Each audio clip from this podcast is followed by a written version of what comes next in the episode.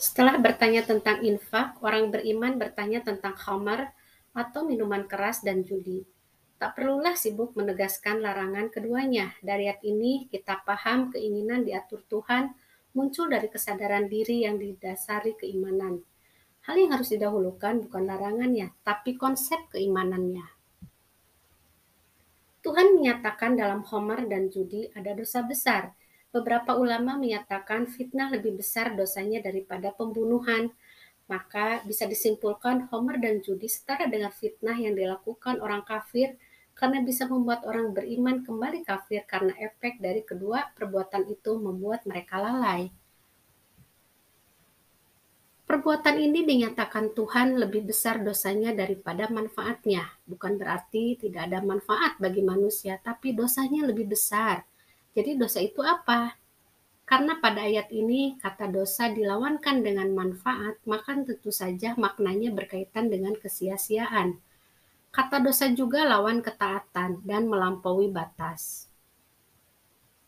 Bukan hanya itu, kata dosa juga lawan dari takwa dalam bentuk menganggap dirinya perkasa, punya kemampuan menetapkan hukum atau ketentuan. Dosa juga terkait memakan yang bukan haknya, juga melakukan hal bukan yang disepakati.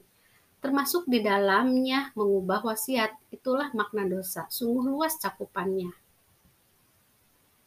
Lalu orang beriman bertanya tentang apa yang mereka infakkan. Penjelasan ayat sebelumnya yang diinfakkan adalah yang terbaik dan siapa sasaran infak. Pada ayat ini Tuhan menjawab yang jadi kelebihan. Kata ini sama kata dasarnya dengan memaafkan. Seseorang tidak bisa memaafkan orang lain jika tak punya cinta yang berlebih. Seperti itu Tuhan jadikan jelas ayat-ayatnya agar orang beriman merenungi. Kita sudah paham ayat-ayatnya mencakup ayat-ayat dalam kitab alam dan anomalinya membuat jelas seperti saat Tuhan paparkan ciri-ciri sapi betina yang diperintahkan untuk disembelih Bani Israel. Ayat-ayatnya sudah dipaparkan dengan jelas dalam kitabnya. Hanya orang yang yakin yang bisa memahami ayat-ayatnya dalam kitab maupun alam. Apa bedanya iman dengan keyakinan? Keyakinan adalah tahap selanjutnya dari keimanan, seperti orang takwa yang yakin dengan akhirat, Kunci memahami Al-Quran adalah yakin ayat-ayatnya mudah dipahami oleh manusia biasa seperti kita sekalipun. Tentu saja untuk sampai ke tahap yakin kita harus senantiasa merenungi atau mentafakuri ayat-ayatnya. Kebanyakan manusia suka overthinking daripada merenungi yang bukan urusan kita atau bukan dalam ranah kuasa kita.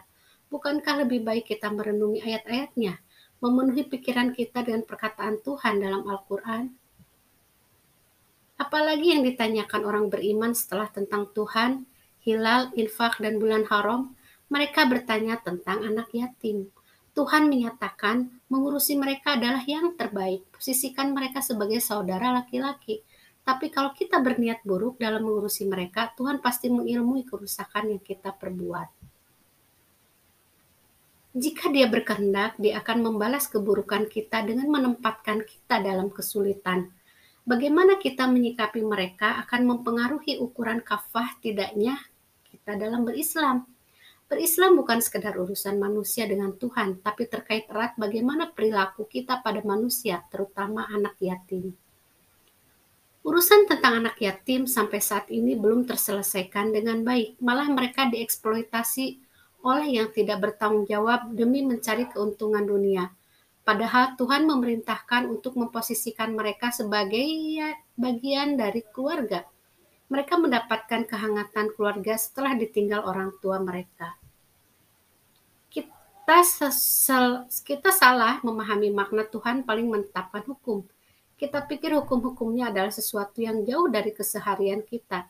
Padahal ketetapannya berkaitan dengan bagaimana kita menjalani hidup sehari-hari dengan bijaksana.